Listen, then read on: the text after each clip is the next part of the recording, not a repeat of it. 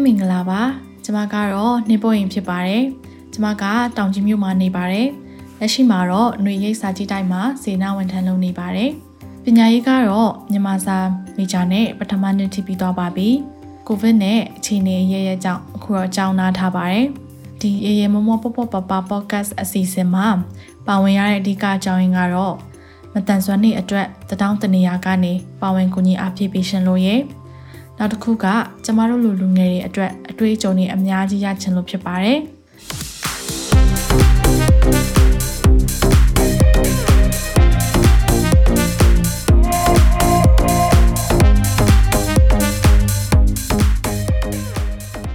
မင်္ဂလာပါခင်ဗျာရီမမောပေါ့ပပရဲ့အပတ်စဉ်ဗုဒ္ဓဟူးနေ့တိုင်းမှာတင်ဆက်နေကြဖြစ်တဲ့တက်သစ္စာလူငယ်ကဏ္ဍကနေကြိုဆိုလိုက်ပါတယ် ဒီ podcast ကတော့မြမလူမှုနယ်ပယ်ကစိတ်အားတက်ကြွပွဲဇလန်းအစုံကိုအများသူငါကိုမတန်ဆွမ်းမှုအသိပညာမြင့်တင်ပေးဖို့အတွက်လွတ်လပ်တဲ့တွေးခေါ်ဆင်ခြင်နိုင်မှုတွေနဲ့အတူမျှဝေလူကြသူတွေရဲ့အတန်တွေကိုပြုစုပြောင်းထောင်ဖို့တည်ထောင်ထားခြင်းဖြစ်ပါတယ်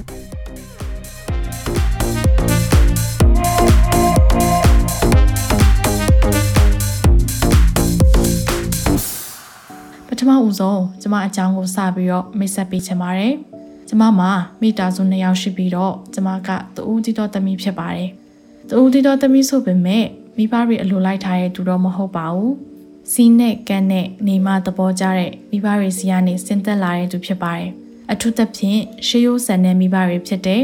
ဥပမာသပင်ရှည်ထားရမယ်ဆိုတာမျိုးတနခါပင်လဲရမယ်ဆိုတာမျိုးမိန်းကလေးဆိုတာအိမ်ထဲမှာပဲနေပြီးတော့အိမ်ကိုတတ်တတ်ရှင်းရှင်းထားရမယ်ဆိုတာမျိုးအဲ့လိုအမျိုးမျိုးဆုံးမထားရပေါ့ ကျမငငယ်ကဆိုရင်ကြောင်းတက်တဲ့အချိန်လောက်ပဲအိမ်မှာနေရတယ်ကြောင်းပိတ်တဲ့နွေရာဒီဆိုရင် အမေကကျမကိုအဖွားရင်ပို့ထားတယ်ကျမကစိုးလို့ပြောစကားနားမထောင်လို့အဲ့ဒီအကြောင်းတွေကြောင့်ပို့ထားရတဲ့အပြင်နောက်တစ်နှစ်တက်မဲ့အတန်းအတွက်စာကြိုတင်ထားဖို့ပို့ထားတာလည်းဖြစ်ပါတယ်မသွားရှင်ဘူးပြောလဲမရပါဘူး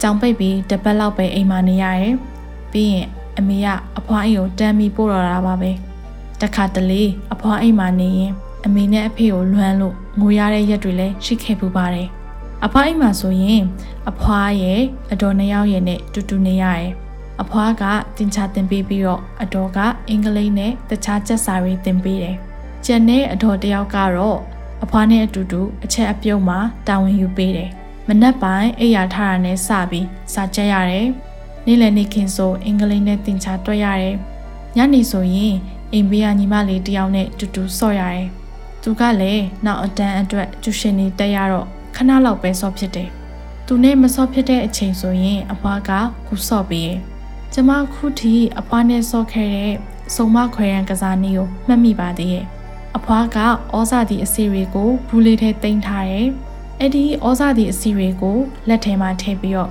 စုံလာမလာခံမရတာမျိုးပါပြီးရင်အဖွားကကျိုးခုံဖို့အတွက်လည်းကျိုးရီလုပ်ပေးတယ် အတော်ဆိုရင်တူတူကြက်တောင်ရိုက်တယ်ဘောလုံးကန်ပြီးဆော့တယ်ဒိုးဆက်ကစားတယ်ညရောက်ပြီဆိုရင်အဖွားကတရားထရပါတဲ့ပုံမြင်တွေဖတ်ဖူးတဲ့ပုံမြင်တွေကိုပြောပြတယ်တခါတလေပုံမြင်ကမပြီးသေးပဲအရန်အိတ်ချင်တဲ့အခါတွေလည်းရှိတယ်ဒါပေမဲ့မအိတ်ရဘူး။ဘာဖြစ်လို့လဲဆိုတော့အဲ့ရင်နောက်တကပုံမင်မပြောပြဘူးဆိုလို့ပါ။အဖွားကဆိုစာတင်တဲ့အချိန်ကလွင်ကျန်တဲ့အချိန်တွေချစ်တယ်။ဒါကြောင့်အဖွားအမြဲတမ်းပြောတဲ့စကားရှိတယ်။ စာတင်တဲ့အချိန်ရုပ်ကတစ်မျိုးဆော့ရဲ့အချိန်ရုပ်ကတစ်မျိုးတဲ့။ကိုရဲဆယ်တန်းရောက်လာတော့တဖြည်းဖြည်းအဖွားအိမ်နဲ့အလံဝေးလာတယ်။တနစ်နေမှနှစ်ခါသုံးခါလောက်ပဲရောက်ဖြစ်တယ်။ရောက်တိုင်းအဖွားကစာကြိုးစားဖို့အဖေနဲ့အမေပေါ်မှာလိမ့်လိမ့်မမနေဖို့အမြဲတမ်းဆုံးပါတယ်တက္ကသိုလ်အဝေးတင်တက်တော့မှအဖွားအိမ်မှာနှစ်လလောက်ပြန်နေဖြစ်တယ်။အဖွားအိမ်ကအဆောင်ဖွင့်လာတော့ထုံးစံအတိုင်းအမေကအိမ်မှာပဲနေဖို့ပို့ထားတယ်။ကျမက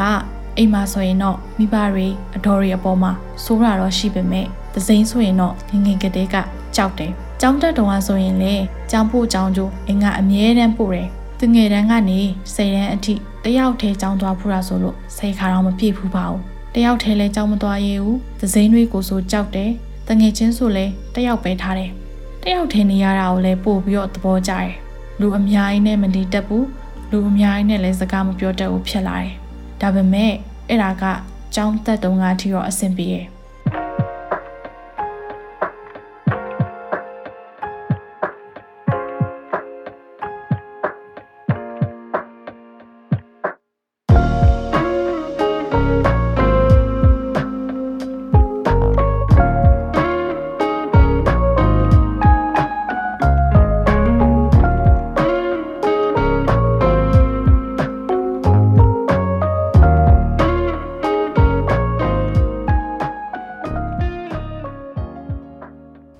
စဝင်တဲ့အခါမှာအဲ့ဒါကကျမကိုအရန်အခက်အခဲဖြစ်စေတယ်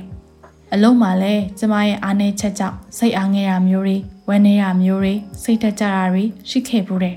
အဲ့ဒီမှာစပြီးတော့အခက်အခဲတွေတွေ့တော့တာပေါ့ကျမပထမဦးဆုံးအလုပ်ကခီးသွွားအေဂျင်စီဖြစ်တယ်ခီးသွွားအေဂျင်စီဆိုတော့ခီးတဲ့တွေနဲ့စကားပြောရတာတွေရှိတယ်ခီးစဉ်အကြောင်းမိတ်ဆက်ပေးရတာမျိုးတွေရှိတယ်ကျမရဲ့အားနည်းချက်ကသစိမ်းတွေနဲ့စကားမပြောတတ်တဲ့အတွက်ကြောင့် ဧည့်သည်တွေကိုခီးစဉ်ရှင်းပြတဲ့အခါမျိုးမှာအမားတွေအများကြီးဖြစ်တယ်။အလောက်က PR တွေအများများလာတယ်လို့လည်းထင်တယ်။ဒါပေမဲ့ကျမစူးစမ်းပြီးတော့ပြောတယ်စူးစမ်းပြီးတော့ရှင်းပြတယ်။ရှေ့ကစီနီယာအမတွေဘယ်လိုရှင်းပြလဲဆိုတာတွေကိုလိုက်ကြည့်တယ်။သူတို့ရဲ့စကားအသုံးနှုန်းတွေကိုပတ်ထားတယ်။သူတို့ပြောတဲ့အတိုင်းလိုက်ပြောတယ်။အဲဒီနောက်မှာတော့ကျမတဖြည်းဖြည်းနဲ့အဆင်ပြေလာခဲ့တယ်။ဒါပေမဲ့နောက်ထပ်ပြဿနာတစ်ခုကရှိသေးတယ်။ အရှိမပြောခဲ့သလိုပဲတောင်ကြီးမြို့မှာဆိုလို့ရှိရင်အိမ်ရဲ့ကျောင်းရဲ့ကျူရှင်ရဲ့အဲ့ဒီ၃နေရာလောက်ကိုပဲကျမကျွမ်းကျင်နေတွားရဲတယ်တခြားနေရာတွေဆိုလို့ရှိရင်မတွားရတော့ဘူးပြဿနာတစ်ခုက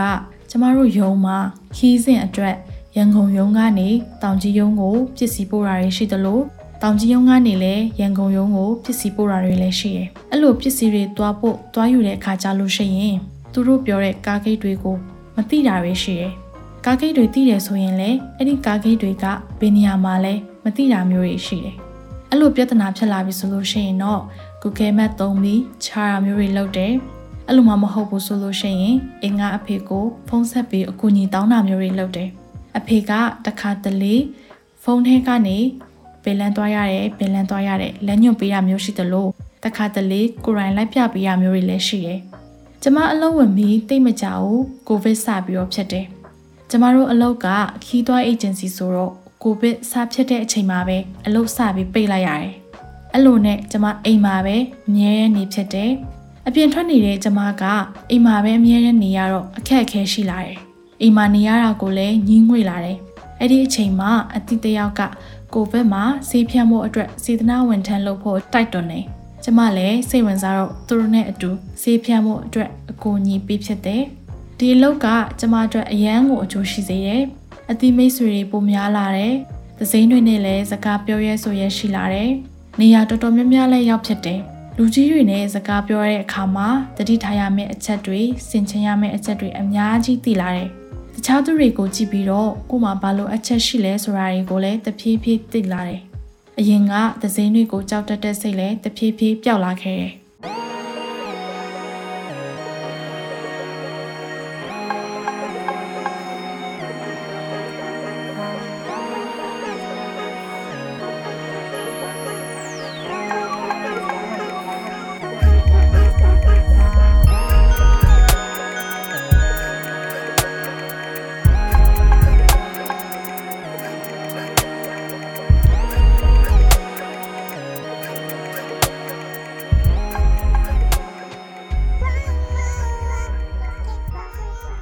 ဒီလိုနဲ့တရက်မှာຫນွေရိပ်စာကြည့်တိုက်ကဖွင့်တဲ့ DG program ကိုတွေ့ခဲ့တယ်။ DG program ကတစ်နှစ်ပတ်လုံးတက်ရတဲ့သင်တန်းဖြစ်တယ်။အဓိကကတော့အမျိုးသမီးငယ်လေးတွေဤပညာနဲ့ပတ်သက်ပြီးတော့အကျွမ်းတဝင်ရှိအောင်ရဲ့ကိုယ့်ရဲ့ပတ်ဝန်းကျင်မှာလိုအပ်ချက်ရှိနေတဲ့အရာတွေကိုဥဆောင်ဖြည့်ချင်းတက်ဖို့အတွက်လိုအပ်တဲ့ skill တွေကိုအဓိကထားသင်ပေးတာပေါ့။ဒီရဲ့သင်တန်းကအမျိုးသမီးငယ်တွေအတွက်အရန်ကိုအကျိုးရှိတဲ့သင်တန်းတစ်ခုဖြစ်တယ်။ အဲ့အတွက်ကြောင့်ကျမလည်းစူးစမ်းပြီးတော့လေ့လာသင်ယူခဲ့တယ်။နောက်ဆုံးမှာကျမရဲ့ project အရွေးခံရတဲ့ထဲပါဝင်ခဲ့ရပေါ့။ကျမရဲ့ project နာမည်က Digital Storytelling ဖြစ်တယ်။ဒီ project လုပ်ရတဲ့အဓိကရွယ်ချက်ကတော့ကျမတို့ပတ်ဝန်းကျင်မှာရှိတဲ့ကလေးတွေ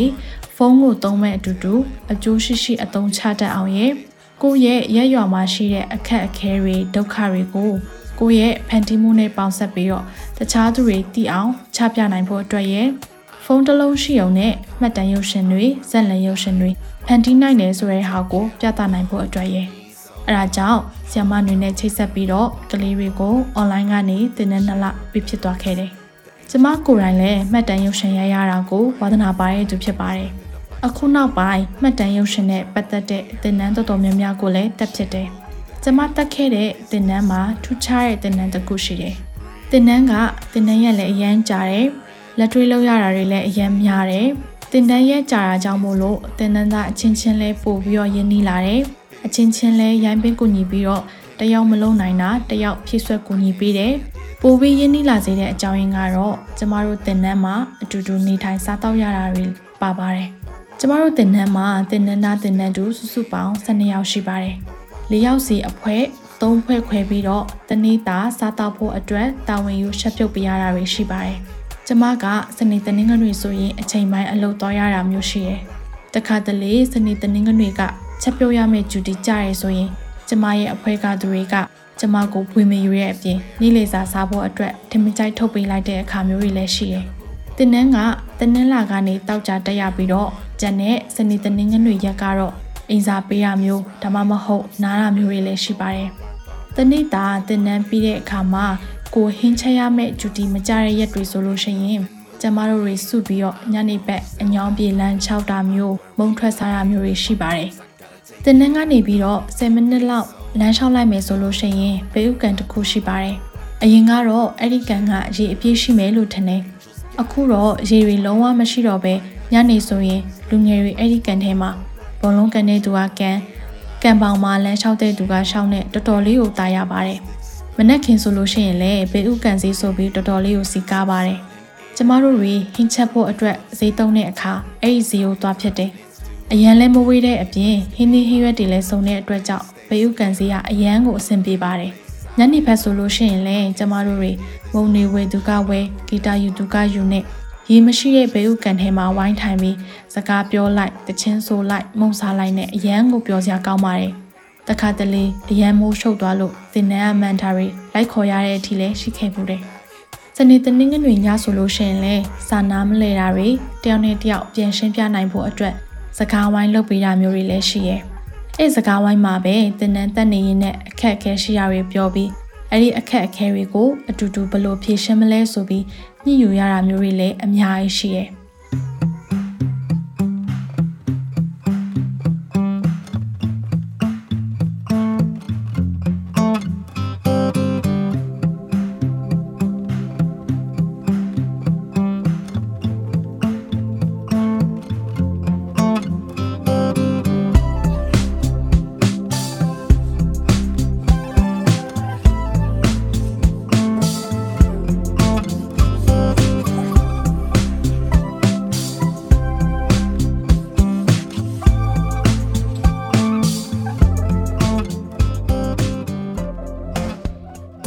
အရှိမပြောခဲ့သလိုဒီတင်နန်းကထူခြားရဲဆိုတဲ့နောက်တစ်ချက်က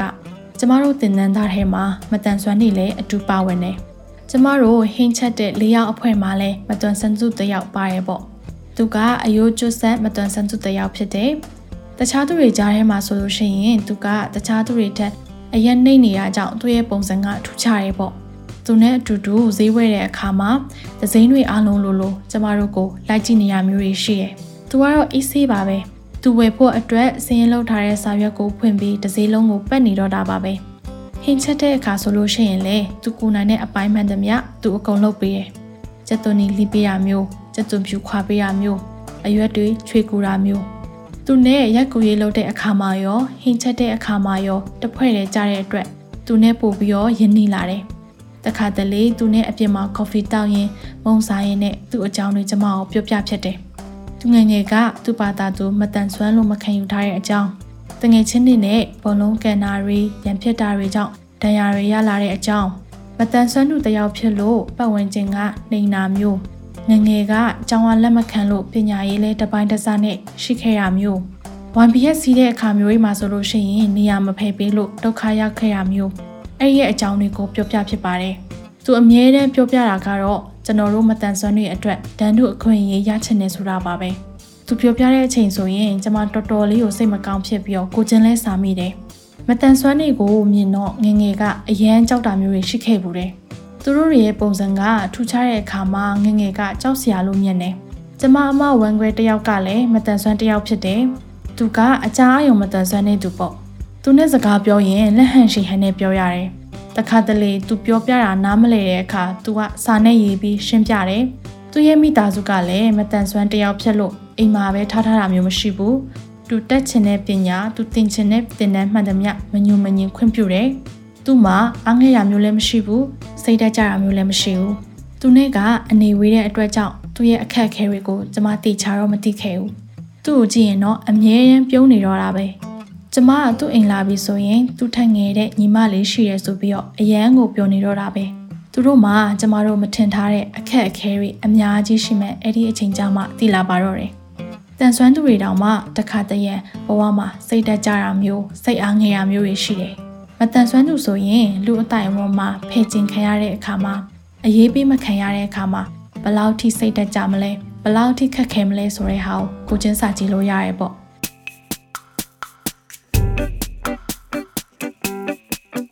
ကျ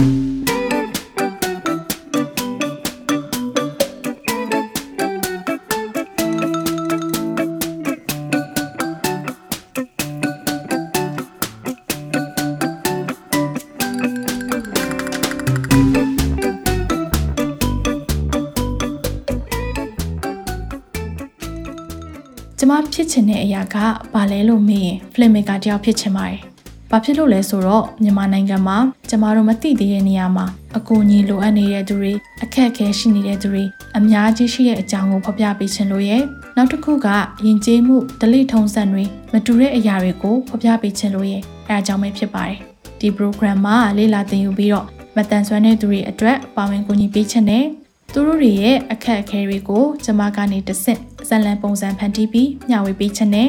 ဘ ഹു တုတရစေမယ့်အကြောင်းအရာတွေကိုဖတ်ရှုပြီးတော့လည်းပြန်လည်မျှဝေပေးခြင်းနဲ့ကျမရဲ့ podcast ကိုနားထောင်ပြီးပျော်ရွှင်မှုတွေခွန်အားတွေရအောင်ဖန်တီးမှုတွေနဲ့ကြံလာခဲ့ပါမယ်ရှင်။အခုလိုအဆုံးထိနားထောင်ပေးခဲ့တဲ့တယောက်ချင်းစီတိုင်းကိုလည်းကျေးဇူးများကြီးတင်ပါတယ်။တာယာပျော်ရွှင်တဲ့နေ့လေးကိုပိုင်ဆိုင်နိုင်ကြပါစေရှင်။